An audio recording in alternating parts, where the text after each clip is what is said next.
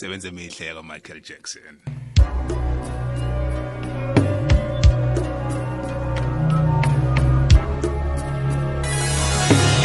Isihloko sengoma ibize wathi the earth song. Sibeka ku-25 minutes to 11 o'clock.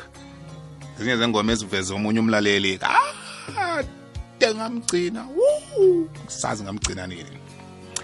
Kodwa ngithokoze ukuthi namhlanje ngidlala ingoma emhubhulule la khona ya khuluma ngonanaki isikhosana.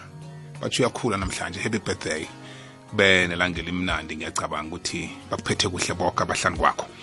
Njenganje isikhathi sokuthi mina nawe singene ehlelweni lithi vula isifuba mntu omutsha. Um njengemhleni-ke ngikhambisana nengikhulumi lapha. Ngelinye lamahlelo leli engithi nangiphuma kwekhaya ngize emsebenzini ngizitshele ukuthi namhlanje akusayokhuluma mina. Kodwana kuyokukhuluma umnikazi wempilo zonke ingikhulumi esizilethako nazo vane kungakhulumi zona.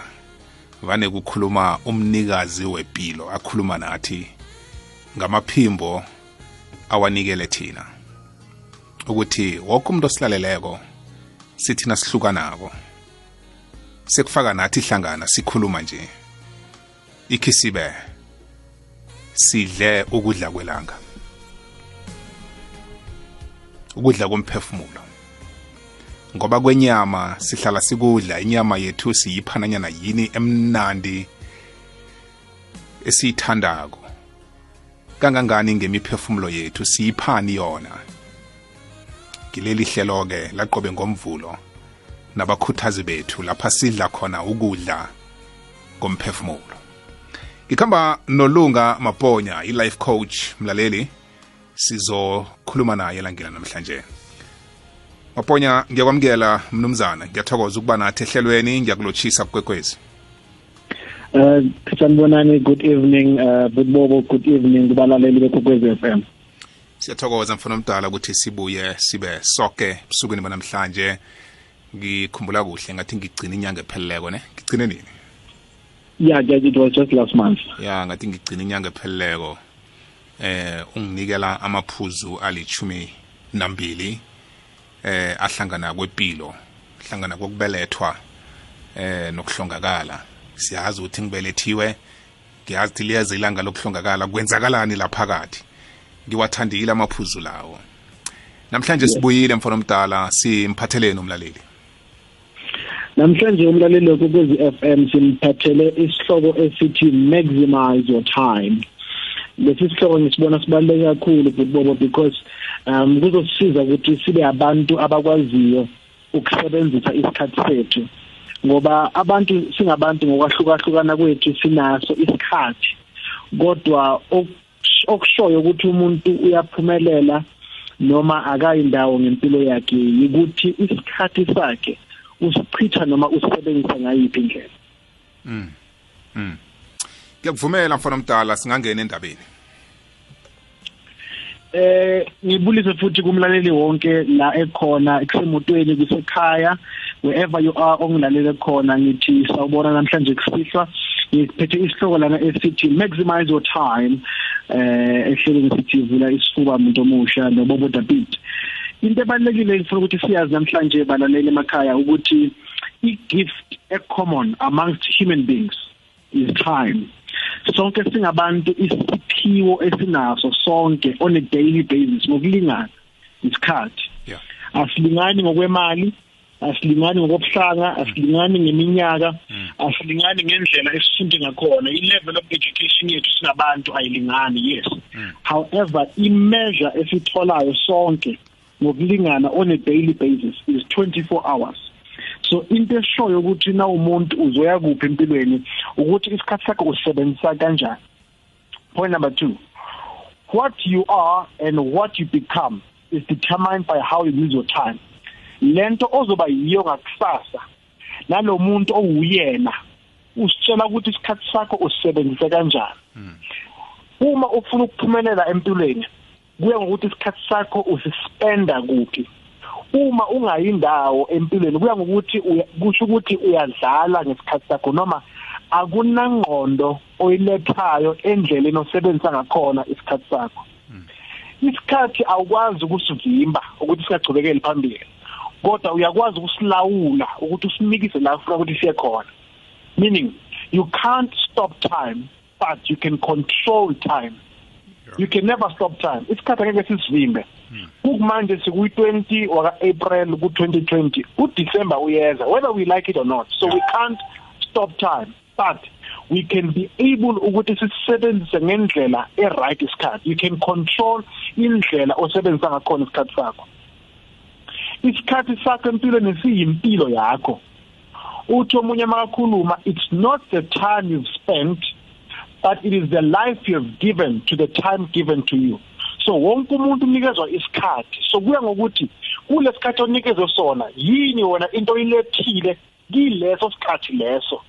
Ube nelanga lanamhlanje yini into oyenzile kuleli langa? Ekunikisa la ufuna ukuya khona noma ekuletha eduzane kule phupho ofuna ukufinyelela la? Abantu abaningi bahlele emakhaya bafuna ukufinyelela kumaphupho abo.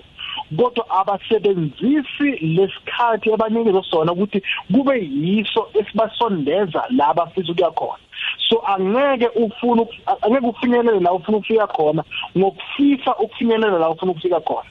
Kodwa uzofinyelela ngenxa yokuthi usebenzisa kanjani isikhathi sakho.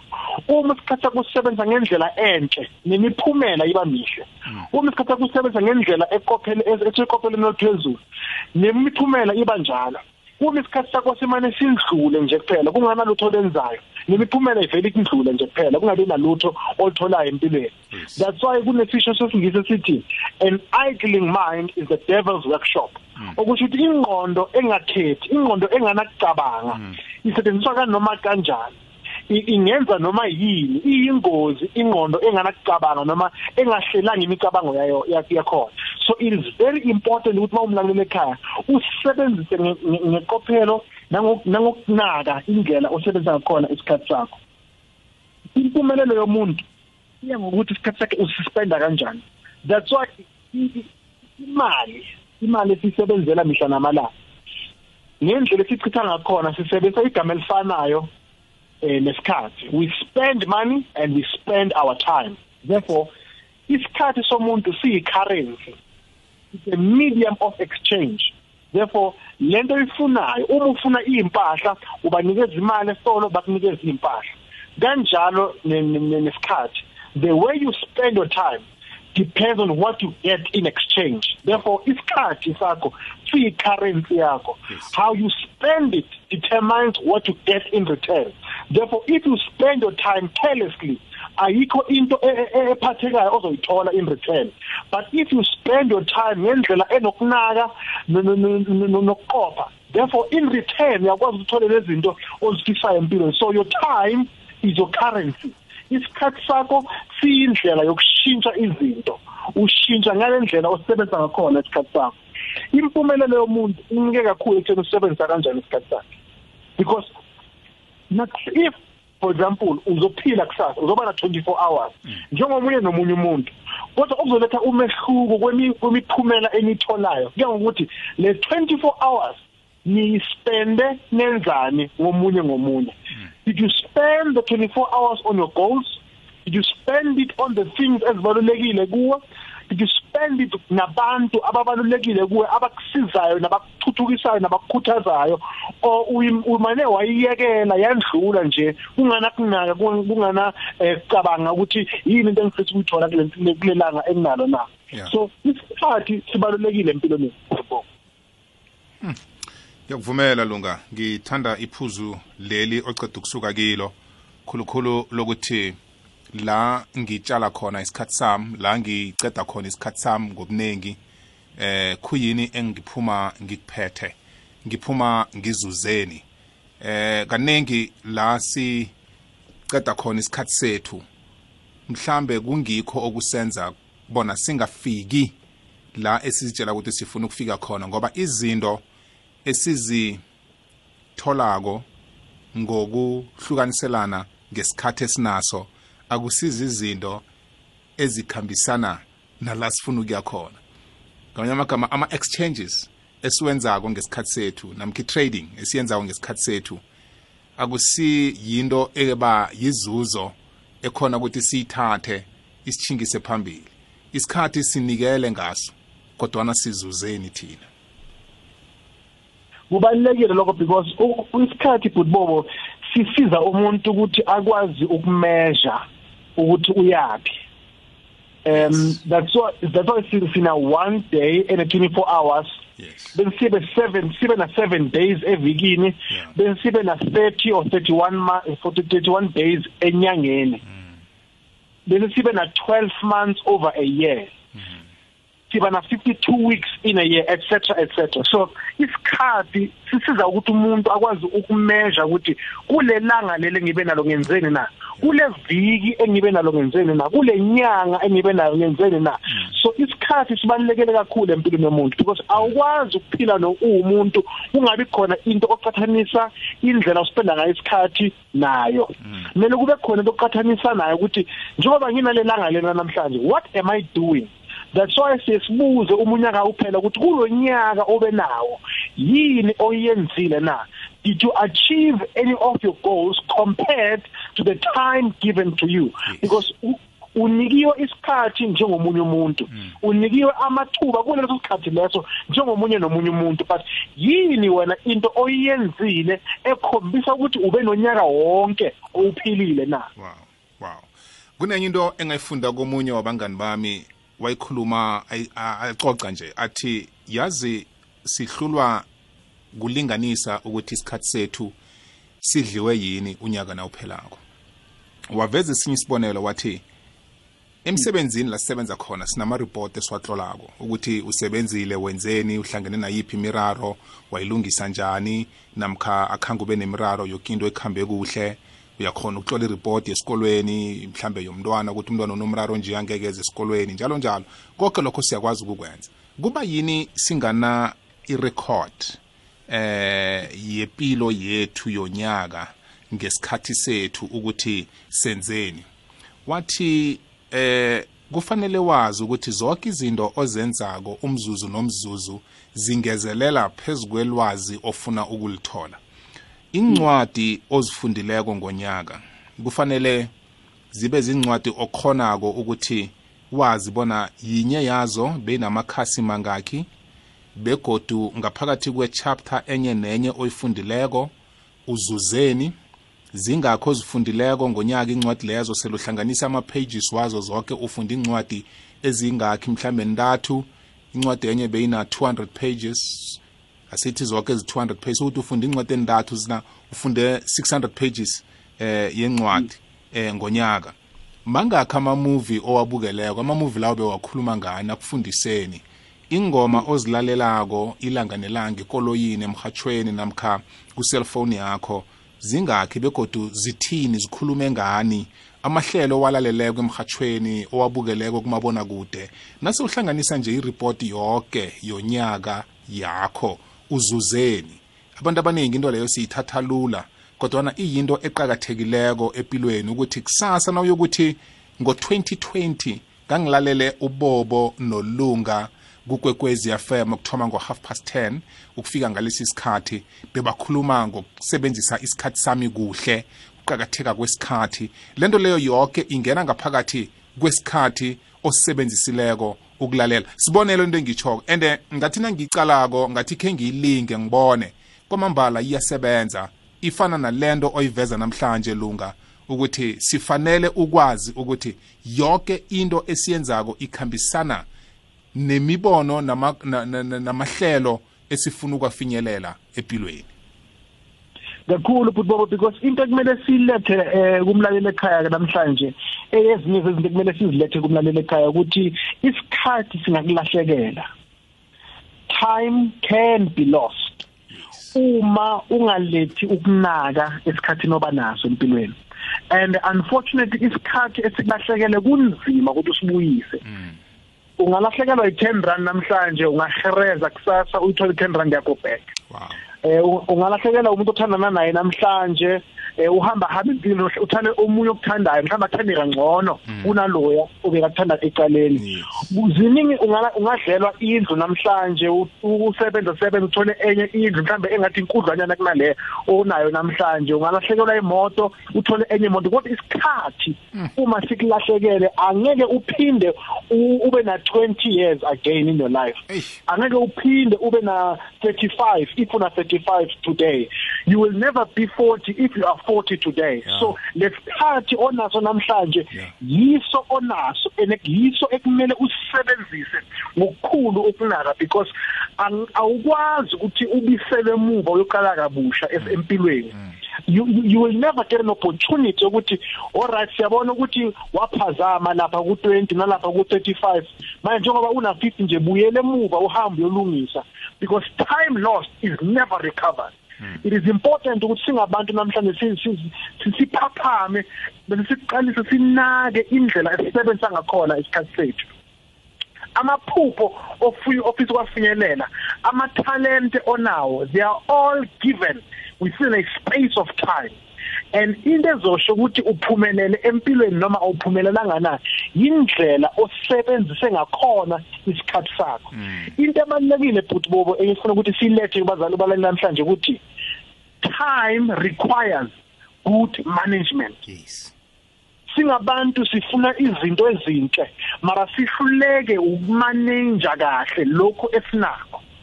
Kusho ukuthi silahlekelwa okukhona ngokungekho. Mm. Kunokuthi sisebenzise lokho esinako ukuze sithole lokho esinganako. Yes.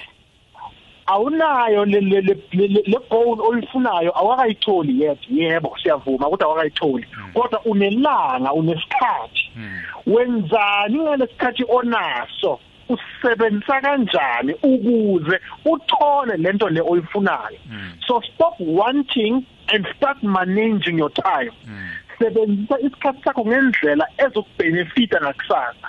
Abantu abaningi abaphaphame baqale bamanage isikhathi ngendlela enhle why? Because time is a gift. Isikhathi siyisipho. And abantu abaningi into yenza ukuthi bangabi noku- noku- nokuchichimayo ukuthi lokho abaphiwe kona abakusebenzisi ngendlela enhle. Have you noticed ukuthi umuntu uma ungamanage ngendlela enhle lokophiwa kona naloko okuncane okunikezwe kona okukhulu akusezi kuwe? Yini na? Ukuthi lokho bokuncane bonako akusebenzisanga ngendlela enhle. Uma uma uyi general worker ecompany ufika late ngama Monday kuyaziwa ukuthi na usebenzi ngoba uyagula eh ufuna ukuthisha early ngamanye amalanga uhlala unenkinga ekhaya njalo njalo. Kwenzeka ukuthi kuvule isikhundla sokuthi kufuneka usupervisor. They can never consider you. Why?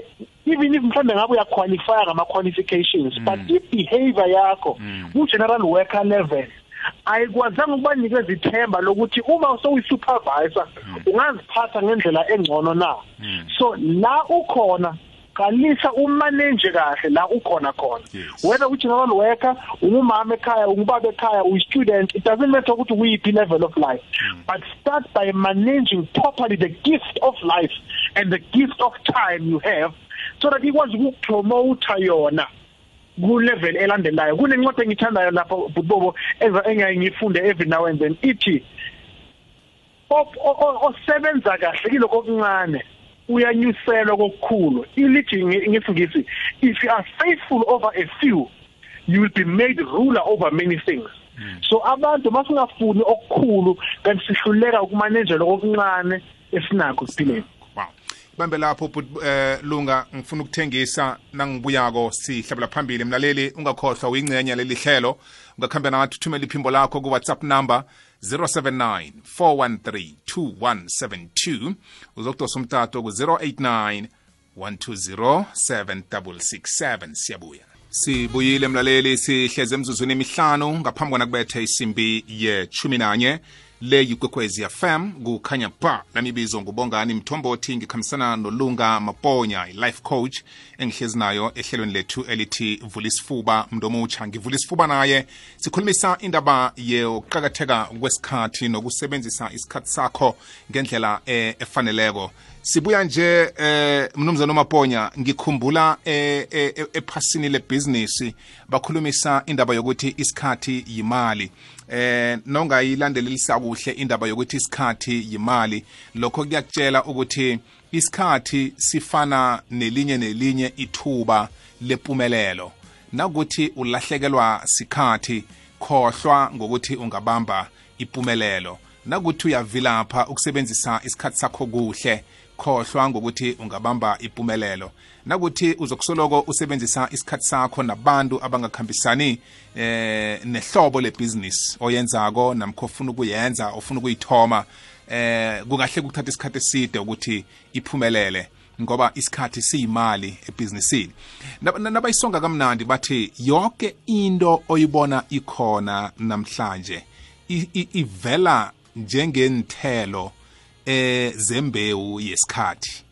Ayikho into e, e, ekhona namhlanje esiyibonako nesisebenzisako nesithabelako ingakathomi ekutheni yenzelwe isikhathi sayo kuhle bona ikwazi ukufinyelela ezandleni zabantu ebafaneleko. Yonke into yonke into yonke into umuntu angakhayicabange isuka embewini yesikhathi ukuthi umuntu loyo oyithomileko utshale kuhle isikhathi sakhe usise kuhle isikhathi sakhe.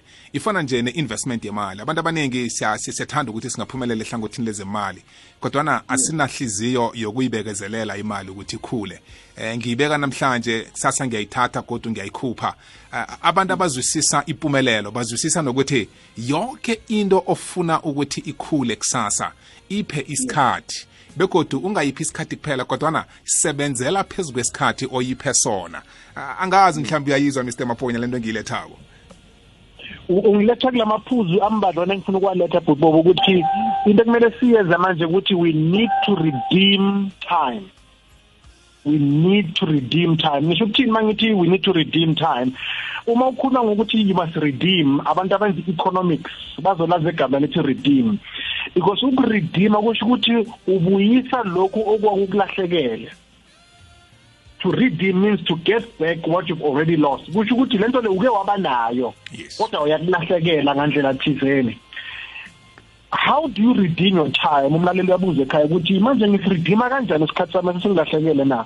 Na indlela uredeema ngayo isikhathi sakho number 1 kumele usebenze ngokuzimisela. You must work hard. Le opportunity onayo namhlanje isebenzise ngokuzimisela. Yekela ukudlala. Yekela ukuphatha izinto lula.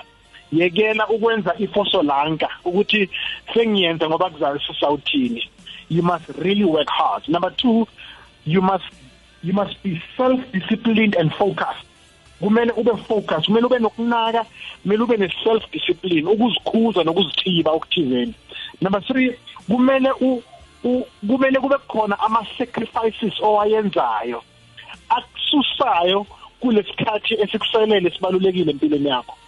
Ayenza ukuthi ungasebenzisi ngendlela e, e, e, enhle nelungele lesikhathi esikuselele empilweni. Yabona futhi bobo into ngathi uNkulunkulu ayenze yaba imfihlakalo ukuthi sonke ukuthi ekuphileni uselele amalanga amangaki. Mm.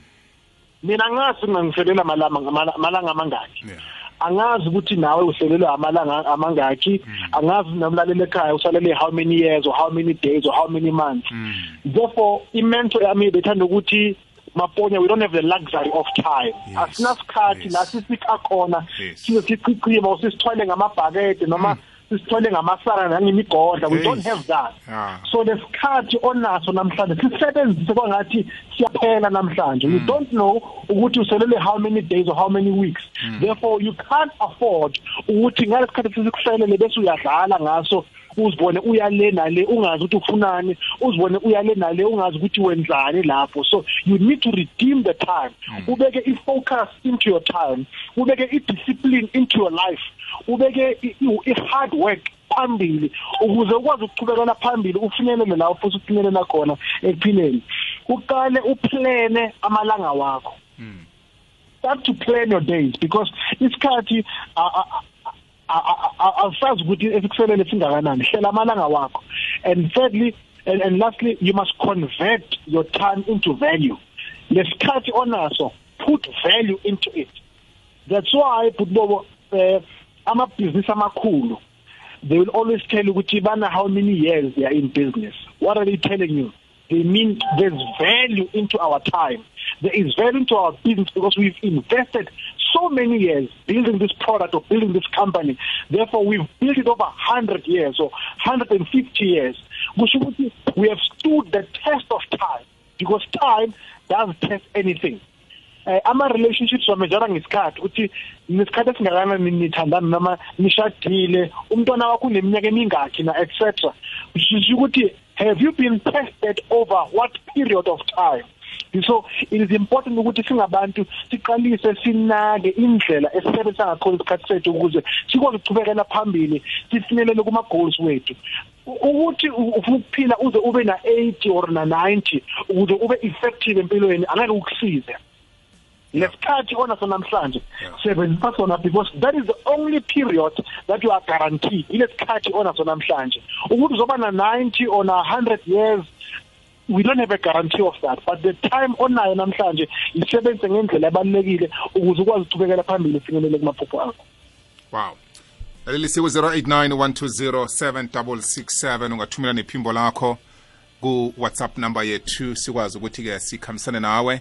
Elangeni lanamhlanje ehlelweni lethu elithi vulisifuba mntu omutsha ngikhambisana nolunga mabhonya uveza amaphuzu acakatheke khulu kwamambala.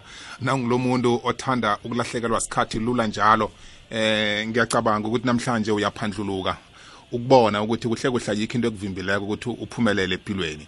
Uvinjwe ngokuthi wena awukwazi ukusebenzisa isikhathi sakho kuhle. Njengoba na abanye bethu sisemakhaya nje imisebenzi ijamile kuvaliwe silwisana nengogwana ye-covid-19 eh ukuthi iphele sikwazi ukubuyela emsebenzini yethu. Mhlawumunye abanye bethu kungiso isikhathi lapha sokucabanga ukuthi eh khuyini okhunye singakwenza ngaphandle kokusebenza? Khuyini okhunye singakwenza eh njengoba nasisebenza nje? Khuyini okhunye singakwenza njengoba nasifunda? Khuyini okhunye singakwenza njengoba namhlanje singasebenzi sisemakhaya? Amathuba owabonako eh ukuthi ungawabamba sikhathi lesi sokucala ukuthi yini ekhona? Abanye bethu sesiyalala kuphela siyalala siyavuka siyajikajika yikho into esiyenzako. Soloku amalanga lathomile akhange khe kube nencwadi neyodwa idobhako ufunde eh akhange kho uzithuthukise mhlambe ngelwazi elithileko elikhona even naku-online namkha ku-internet. Eh akhange khe wenze litho sohlezi kuphela ngesinye sesikhathi leso esikulahlekelako singakathatha umlaleli eh butlunga kunendaba enye engifuna ukuthi mhlambe siyithinde? Kunendaba yesikhathi abasibiza bona eh dead time dead time. Ekubonakala ngathi isikhathi esifileko eh isikhathi esinganamsebenzi. Isibonelo engasiletha ukuthi uyakhamba uya kwadohotere nofika kwadohotere uthola kune queue.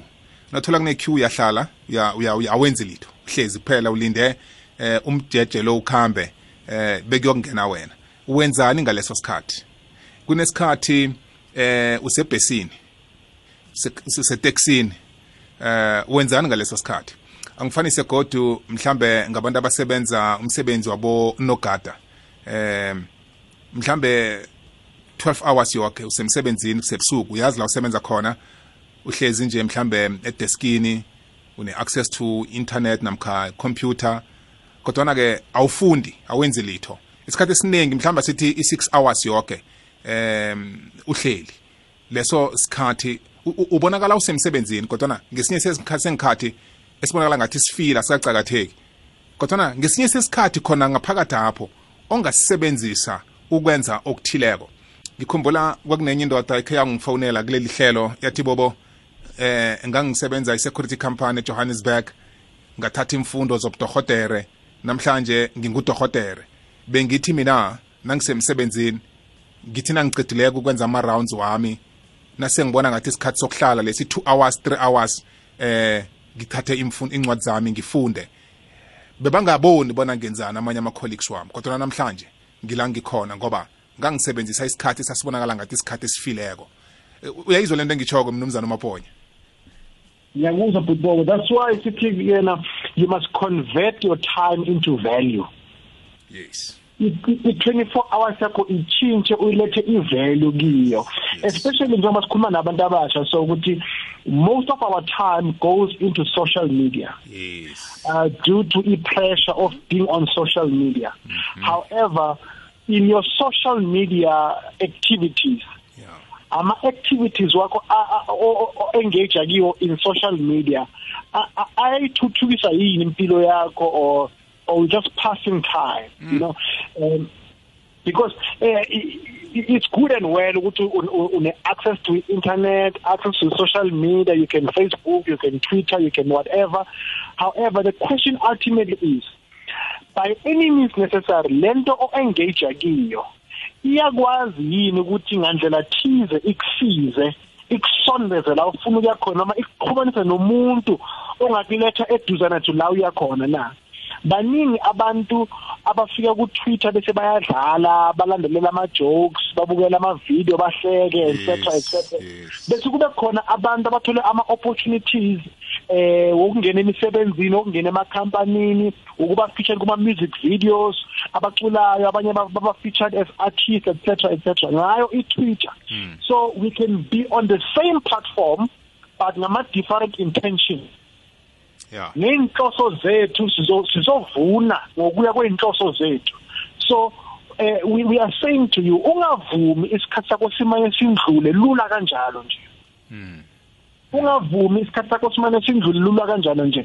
Akube khona ukuhlubuhlakani obulethayo into your time so that you can be able ultimately ukuthi ube ube ube ube a better person. Hmm. ungathi no laba into enza ukuthi bathuthuke noma baphumelele ukuthi babe ngcono nga ABC no kuya ngokuthi basebenzise kanjani isikhathi sabo. Nawe bonaso lo sikhathi leso but kuya ngokuthi wena usebenzise kanjani esakho isikhathi. Mm, mm. kwamambala iyazwakala sikhambe siye kumlaleli. Siku-089 120 ngangithumela nephimbo lakho ku-whatsapp number 079 413 2172 hayi bongani mthombothi nobhuti.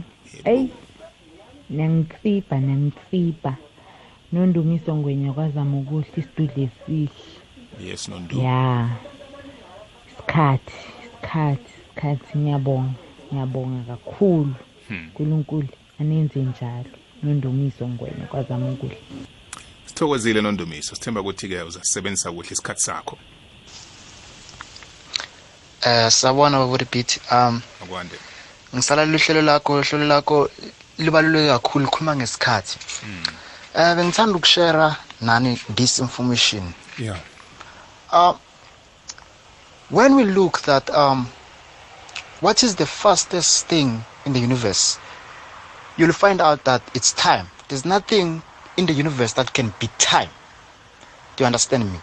If you can be able to manage it you can do whatever you can do. Uh, at school our physics teacher once taught us that um, time is directly proportional to the success. Mm. The more the time you put, mm. the greater you'll be successful. Wow. Thank you. siyathokoza mfana omdala ngile nto beyitshiwa ngulunga right lotsha mthombothi nesithekeli sethu sanamhlanje khuluma nomajanje kwarhasi siyakwamukela yo hayi lo bhuti uyangikhuthaza bobo awuyangikhuthaza nakhuluma ngesikhathi yazi ungikhumbuza lokha la uthi khona wenzani ngesikhathi uphiwe sona? Isikhathi sakulahlekela angeke sasizuza ngeke sisabuyele emuva. Sadlula sidlulile. Yo hayi uyakhuluma lo bhuti mthombothi majanje kwahasiwe hayi nginilalele nginani. Sithokozile sithokozile majanje kube nobusuku obumnandi siye emtatweni kwekwezi siyakwamukela. Kakhulu kunjani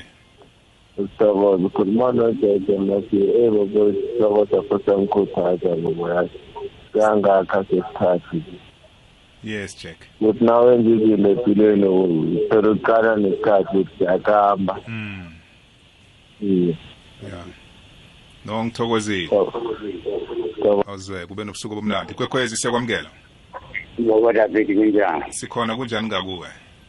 Ah ngikhona ngichira sePefontein ngiyakwamukela chilas ya ngikhekhelo lenu leya kakhulu man. Lingasiphoseli ngaphandle thina abanye asasesiku-neutral awuzazi ngimtshawo ngimdala alright mara mina into engithandayo engiyengikala ukuthi ilanga alingathingi mahala babodafidi lithinge udla i-super b yaphela ipuphi yokuthengeke mara awuke nje next langa lamhlophe yabona. Fanele likhethi singasinge nesicethane okhuluma usenziweyo U- uyinembile chilas uyinembile ngileyo nto esiyikhulumako. Ya ingarakhuluma nodafiti ukuthi isikhathi sibalulekile. Fana nokuthi nangithi mina ngifuna ukwenza into umntu hayi kujamajama nizayenza ngizoyenza nini? Njegala sekunani nje seyizinto into eziningi. Uyayibona indaba ya. Nengithokoza dafiti thokoze chilas benobusuku obumnandi kwekhwezi le siyakwamukela.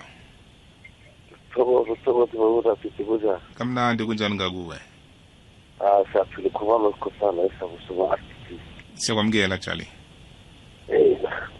Yebo lokhuluma ngesikhathi zishizwa mehluku yazi ngikhumbula ukuthi sisakhula sadlala ngesikhathi. Heyi and abantwana banje abafuni isikhathi. Mm. omunye ubaba engakhula naye sifunda naye esikolo akayibethi isikhathi uthi abantu abalalela abazali. Ngibotole iyafana bo. Ya o hayi bo siza abahlobisa thana abantwana bethu babo ukuthi isikhathi kunenjani Mm. Uh, ya ngenzeka bona basiboni ngoba bacabanga ukuthi basesebatsha. Into leyo ngiyo oyichoko ukuthi nasisesebatsha sasicabanga ukuthi sinesikhathi esiningi sokudlala. Eh. Usilemuka sewumkhulu nje ukuthi "Uh, ngamotsha isikhathi. Eh bo yazi umntana wami lo umthelo eh satsho athi yamanathi isikhathi sadlala ngesikhathi uthi abangani bethu abalalela abazali dala bakuphi nje. Ya ya. Hayi bo lokho lesikhathi umhlaba ngaphakathi abantu babangathana balalela abantwana bethu ukuthi isikhathi into eqakatheke kanjani. Ya ya. Thokozile mna kwethu yazwa sithokoze daphiti awuze kube nobusuku obumnandi lapho. Ikwekwezi le siyakwamukela yebo.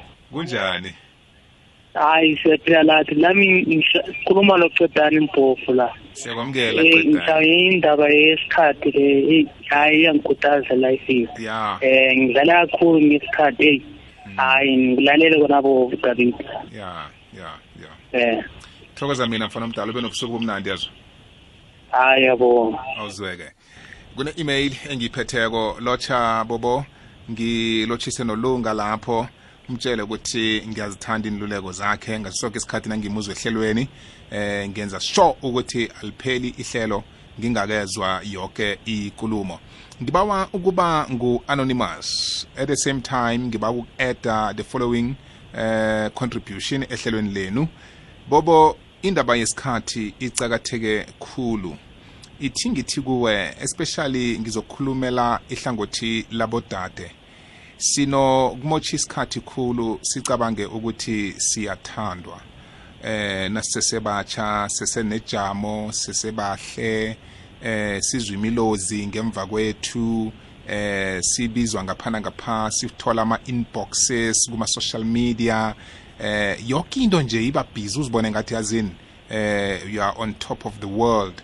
Kanti lapho net lapho kula ulahlekelwa sikhathi khona because whatever ozoyi-allowa in your life and give it your attention eh kulapho-ke othoma ukulahlekelwa sikhathi sakho esicakathekileko and it's a sad part because kithi abodade kungenzeka ukuthi nasele silahleka isikhathi leso sikuchiya unama-responsibilities angaphezu kwamandla wakho. Bese uthome uthi impilo ibudisi impilo ayikakuthandi eh ube ufune nokusola abanye abantu abakhona hlani kwakho. Could be your ex your boyfriend your husband and so on and so on. But in actual fact na ungacala nguwe ohluleke kusebenzisa isikhathi sakho kuhle from the beginning. Because you were supposed to know your goals to know your purposes uh, to choose friends and to decide ukuthi at what age ufuna ukuzibona ukuphi eh njengomuntu ongudade. Uh, I, I'm really enjoying what you guys are talking about and utshele ulunga ukuthi big up. Ngiyathokoza. Okay ngenye ama-email esiyitholileko ngifunde njengoba ninjalo mlaleli. Angikakhethululi litho angakhuphi litho. Asizwe omunye olandelako ngizanikela ulunga ukuthi aphawule ngemibono yonke evela ngakuwe. Butbobo ngithanda ukunibingelela. Yebo. Eh ama nikhuluma ngesikhathi isikhathi sibaluleke kakhulu. Azi kukumanje ngiyazisola ngezinto bengiziyenza mhlazane ngina 20 eyi kodwa ngiyabheka azabuyele emuva siyaphambili. Eyi iminyaka iyaphambili. Mm. yakona iqiniso leli nilikhulumayo bhuti bobo. Uthami la itsakane. Ya. Ngibongile kakhulu bhuti. Thokozile thami benobusuku obumnandi tsakane. Eh mthombozi akwande. Unjani baba. Kamnandi. Right man. Eh bubo nesithekeli sakho ngisilotshise kapho ulunga siyathokoza. Eh eish bubo ukhuluma ngestori esikhulu isikhathi. Eh bubo mina bengiba ungenelele endabeni yesikhathi ebudlelwaneni. Bubo abantu abaningi kunento engiyosiprogramako engqondweni and then mayiqeda ukusiprograma we intend to forget ukuthi isikhathi siyakuhamba Yeah. ubudlelwano. Bubo na ungacala abantu abaningi siceda isikhathi esiningi Mm. ebudlelwaneni kunokuthi sicede isikhathi esiningi sifocusa on, your, on our future. Asali bobo kunesitsho esithi behind every successful woman or man there's a man behind. But izigama lithi behind bubu kuthome yena then there's someone behind Mm. bobo. Kodwa isikhathi ndirikulu impumelelo iza ngesikhathi. Let's stand up with time flow with time. Bobo uhlezi erudlelwaneni like you said uyalemala uhlezi. Time isikhathi siyakhama uhlezi bobo. And uyabona yazi baba kwakho kwatsho omunye ubaba ngihlangana naye wathi kimi wangitshela amagama amanye amahle wathi eh, isikhathi ndirokulu in a way yokuthi eh, you must know kunabanye abantu nangikhulumela ubudlelwane bubo kunabanye abantu nabeze ebuphilweni bakho they are there ukukuwisa not to say butha or njani it's natural. And then kunomunye umuntu nakafika empilweni akho bobo you can see that i'm flowing. Mm. ngiyakhuphuka ngiyala ngifuna ukuyakhona. So bobo ithi ngingaba mude eh isikhathi into ekulu asis- asikhambeni ngesikhathi. Mfana omdala ngikuzwile ukuthi abantu bangamotshi isikhathi namkha bangalahlekelwa sikhathi ebudlelwaneni. Ya eyi adoda. Hayi baba labhethi hayi ngicela ukuba ngihloke igama. Okay. Hayi baba mina into engayisho ngesikhathi ngicabanga ukuthi isikhathi sami uku- uku- ukungakwazi ukusimaneja ngahlulwa yilikhathi ngisafunda isikolo. Baba, bengihlala kuyo yoke into engiyenzako ngoba ngisakhula ngisesesikolweni yoke into bengiyenza bengiyenza be- bengiba late.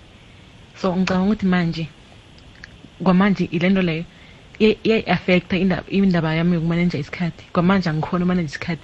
Le nto yacala kuphi? Yacala lokhu ngisesesikolweni from i-primary ngihlala ngilady ngi-breaking lady Yazi nje ukumaneja isikhathi yo inkinga bobo inkinga shem. Mm, wow. Eh sey sey seyimukhwa ojwayeleko. Eh awusakhona ukuyisusa.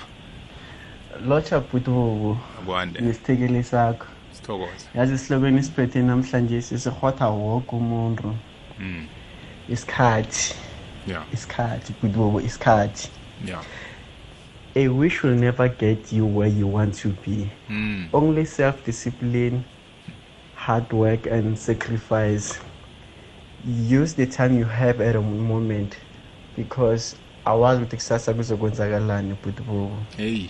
Time is close to life. Therefore waste your time and waste your life. Mm. or master your time and master and your life. master your life. Ngiyathokoza ngoroni etafukobo kwanjenganje ngisesoweto ngikuzwile roni. Thokozile mfana omdala banobusuku obumnandi. Sabona bobo david. Udanelton ukhuluma notshepo. Yes thepho uh bobo david time is precious. Mm. and uh, time is short when you are happy. Yeah hey kusho ukuthi time determined by your feelings and your psy- psychological condition. Mm. not by clocks. Yeah yeah. Isikhathi sihamba kancane mawulindile. Hmm. Eh, isikhathi siyagijima mawulate Hmm. so ngamanye amagama esinye nesinye isikhathi lesi ukuthi umuntu uyasithola. It's very important la kuye ukuthi angenza umehluko ngempilo yakhe. Ngiyabonga bobodapit estanelton utshepo. Thokozile thepho wow. Mfana omdala eh usikinye umkhumbulo wami eh ngamaphuzo wabekileko angibiyele kulunga. Eh maponya umkhulumile umlaleli mhlambe uphawula kafitshazana la umzwe khona kiloyo naloyo? Eh but bo ngithi aba- abalaleli baphawule kamnandi baphawule very very importantly. However akusukuthi sicindezele abalaleli ukuthi abasebenzisi kahle isikhathi sabo. Kodwa ukuthi siphaphamise wonke umuntu ukuthi usisenalo ithuba lokuthi ungasunduka la ukhona. Ufinyelele la ufuna ukufinyelela khona ngesikhathi esisakuselele. Um ngize kusisi lapha athi sekenze i-habit yokuba late due to ukuthi wayiqala sese high school noma e-primary school. But this is an opportunity to unlearn that habit. Uyisuse leyo habit leyo uqale i-habit entsha yokuzifundisa ukubamba isikhathi. But boba bengifuna ukuthi before eh sisonga inkulumo yethu. Bengifuna ukushiya nje umlaleli na 10 points on how to manage your time effectively. Yes. Amaphuzu abe u10 azokufundisa ukuthi ungasimanage kanjani isikhathi sakho ngendlela ehlakaniphile number 1 you must set goals. You must set goals. And mangithi ama goals angisho ama wish angifuni ukuthi umuntu afane phansi abukele isibhakabhaka bese athi ngifisa ngabe bengiyimillionaire ngifisa ngabe benginemoto enama exhaust i4 no no no. You must set clear thorough goals. Mangithi clear goals ngithi ama goals ozowabhala phansi ozokwazi ukuthi wafunde on a daily basis ukuthi eh azoba futhi nesikhathi. Smart goals meaning they must be specific they must be measurable they must be agreed on they must be realistic and they must be time bound. Smart yes. goals yes lewe ama goals akhiye ozowabhala phansi ozosho ukuthi na ufuna ukuwafunda. Ungaba nencwadi ufuna ukuvula incwadi leyo usho ukuthi no igoli lami ukubhadala isikolo lesa ukuya esikolweni njalo njalo njalo njalo. Number 2 kumele uestablish ama priorities wakho. Hlela izinto empilweni yakho ngokuya kokubaluleka kwazo. Ngoba okubalulekile kimi akubalulekanga kumthombothi. Okubalulekile kumthombothi akubalulekanga kimi. Why kumele ngibe nama priorities na? Ukuze ngibe responsible for my own priorities. Abantu baba head at the end of the day because ufuna ukuthi into ebalulekile kuye ibaluleke kibo bonke abantu. Uma ibaluleke kuwe wena you must make sure ukuthi uyilanelisa ngokuya ngokuya kokubaluleka kwayo. So if being early is important to you then you must be early. Ungafuni ukuthi wonke umuntu abe early. Yenza izinto ngokuya kokubaluleka kwazo. Number 3 pursue your passion only. Thola into ongakwazi ukubophezelela kiyo ngokupheleleyo. Into yenza ukuthi abantu bangasebenzisi isikhathi sabo isikhathi sabo ngendlela elungile ukuthi benza izinto abangazithandi. Benza izinto ezingekho enhlizweni yabo. You know uma into esenhlizweni yakho uyithanda akekho umuntu ozokuvusa ngisho ne-alarm clock does not help, does not wake you up. Uthi one of the motivational speakers engibalandelayo eh uEric uEric eh uthi eh uthi the way ngithanda ngakhona lento engiyenzayo i don't need to set an alarm clock ukuthi ngivuse ekuseni. Uthi my passion wakes me up. Yeah. My purpose wakes me up. I don't need the alarm clock ah. i have so much passion that my passion wakes me up. I don't need the alarm clock. Mm. therefore uma umuntu ufuna ukuphumelela pursue your passion. Hayi lapho ukuthi passion yakho yini? Upursue yona. Number 4 protect your plans and your priorities. Vikela isikhathi sakho ngoba kunezinto ezidemanda your time kunama showpiece akhona e-TV afuna isikhathi sakho. Kunabangani abafuna isikhathi sakho? Kunama social media afuna isikhathi sakho? Eh kunaleyo boyfriend girlfriend ekuchithela isikhathi sakho. Protect your time. You need to protect your time. And number 5 identify your value. I-value yakho ikuphi na? Because i-value football is determined on how time is spent. Yeah. Have you noticed ukuthi into yenza ethatha 2 minutes ukwenziwa ayiduri njengento ethatha 1 hour to cook. Mm. Amaqanda athatha 2 minutes ukubrayiwa estofini. Awafani nesteak, awasi same amount of price njengesteak ethatha about an hour to prepare. Therefore, time equals value. where you spend your time determines your value mm. so uma uspend isikhathi sakho encwadini usho ukuthi incwadi zi-valuable if uspend isikhathi sakho ku-social media usho i-social media i-valuable etc etc yeah. number six make decisions based on your destiny. Izinqumo zakho zithathe ngokuya kula ufuna ukuya khona. Inqumo zakho azilawulwe yila uya khona. Azingalawula ukuthi kukhona ini eduzane. Azilawulwe ukuthi uya kuphi umuntu number 7 in check your associations check your associations. Ngibona umunye ibhuti osala wangena umlaleli lapha wakhuluma ngo- ngo- ngobuhlobo ukuthi siningi isikhathi esilahleke esisilahlekelayo ebuhlobeni. We lose a lot of time eh kuma relationships so you must check your associates ukuthi labantu ohlobana nabo ba worth your time or not? Are they worth your time? Do they add value to, the, to your time? Do they contribute better to your time or not? Number 8 review your investment. Checka la u-investa khona. In every investment la wenza khona you must review your investment. And number 9 don't please everybody. Ungafuni ukujabulisa wonke umuntu. Into yenza ukuthi silahlekelwe isikhathi esibalulekile empilweni yethu butobo ukuthi sifuna ukujabulisa wonke umuntu. Lo uyafike ukuthi ngiphelezele lena uyahamba uyamphelezela. Lo uyafika ukuthi ngihlalise nawe uyamhlalisa. Lo uyafika ukuthi ufuna ukukhuluma nawe uyamnaka. Ungafuni ukunaka wonke umuntu. You can't please everyone. Ukhona kumele ubatshele ukuthi cha angeke ngikwazi. Mhlawumbe ngizokubona kusasa noma iviki ezayo neminyanga ezayo kodwa okwanamhlanje i cannot do this so don't try to please everybody and last number 10 forget your past mistakes. Start now to build a better tomorrow. Unga unga unga ungafuni ukuzistressa ngesikhathi sikulahlekele nokuthi wayenza amaphutha ephambilini vuka uzithintithe uqale manje usebenze isikhathi sakho ngendlela efanele. Wow. Yo. Ano Putlinda ngifunde Putlunga ngifunde li- li- litho likhulu kuwe. Namhlanje kunento engifuna ukuthi ngaphambana si si si si- sivale mina nawe indaba yo yokulala. Em elinye ichegu ngisalithanda namhlanje lathi mthombothi yabona nawuleleko namathuba wakho wempumelelo alele. Kodwana wavuka namathuba wakho wempumelelo avukile. Eh kutsho ukuthi amathuba wethu ngasoke isikhathi akuhamba nathi. Namhlanje ngikhuluma nawe kuningi ngikufundileke bekade ngingakwazi. Oleleko oleleko ngalesi sikhathi amathuba afana nala ngathana uyizwile ikulumo namhlanje eh, azokwazi ukumthatha amchingise phambili. Akakawezwa ngombana amathuba lawo alele. Sibonelo lento engilethako U- u- ungathini nje ngokulala? Abantu abaningi sithanda ukulala sithanda ukusebenzisa isikhathi sethu ukulala. Eh sibona ukulala kucakathekile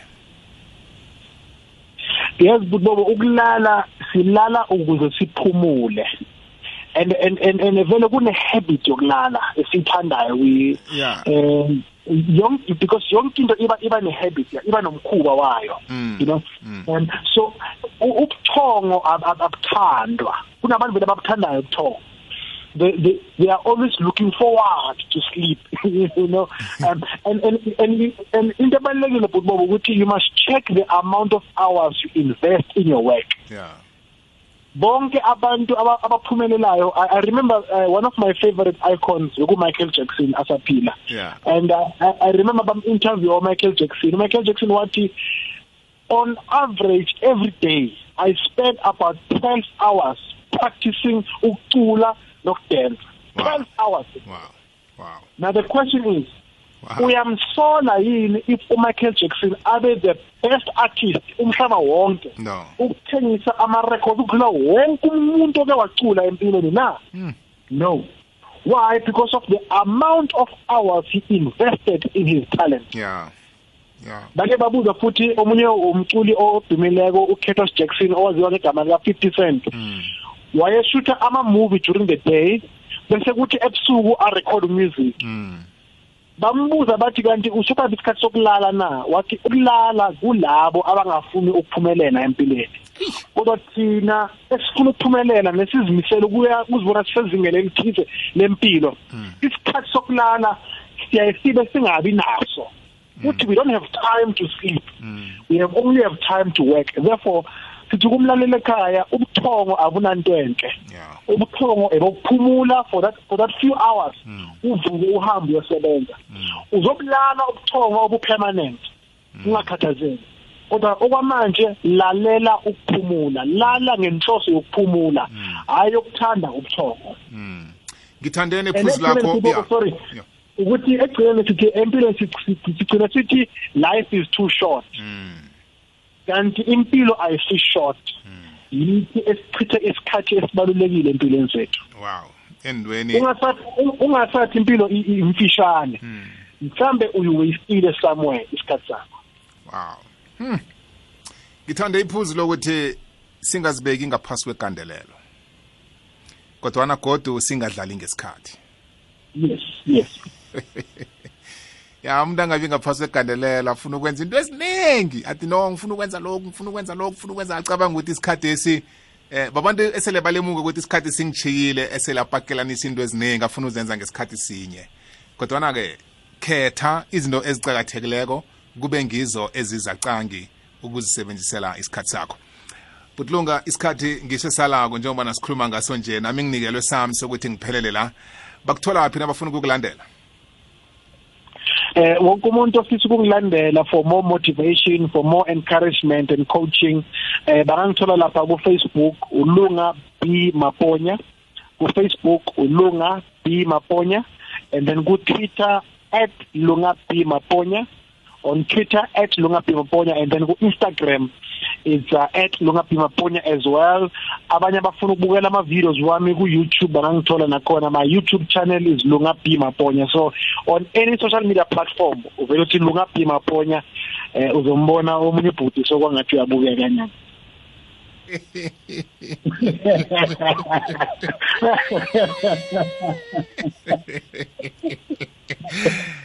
ah ngiyayithanda-ke leyo iyangikara omunye ubhuti sengathi uyabukekanyana so ye? Nokho ngiyazama zama.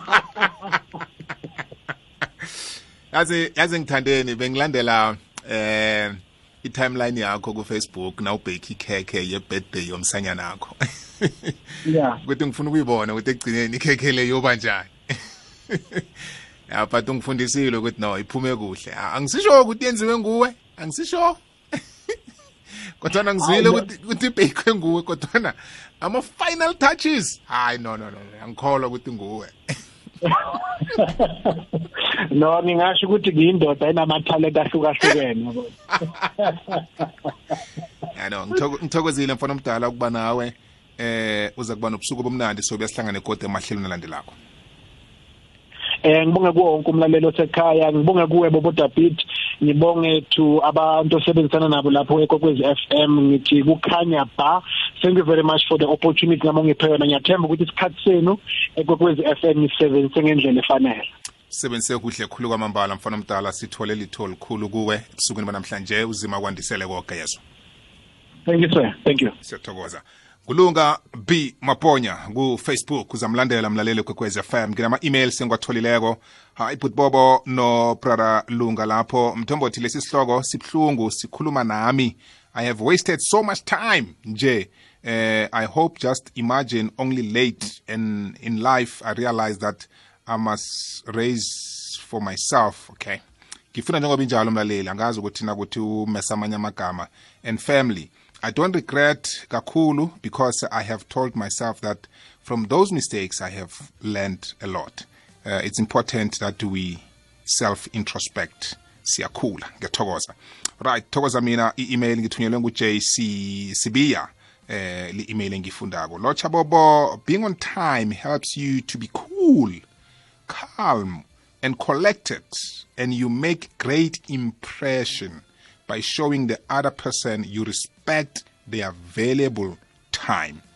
By arriving early you allow yourself a few extra minutes to think through your argument and you appear more confident and in control. Kujohannes cleo ndala nge-almastrip c. Amanye ama-emails engiwamukeleko eh ebusukwini banamhlanje kuleli hlelo lethu. Isikhathi sicakathekile mlaleli. Ungavunyelwa kulahlekelwa sikhathi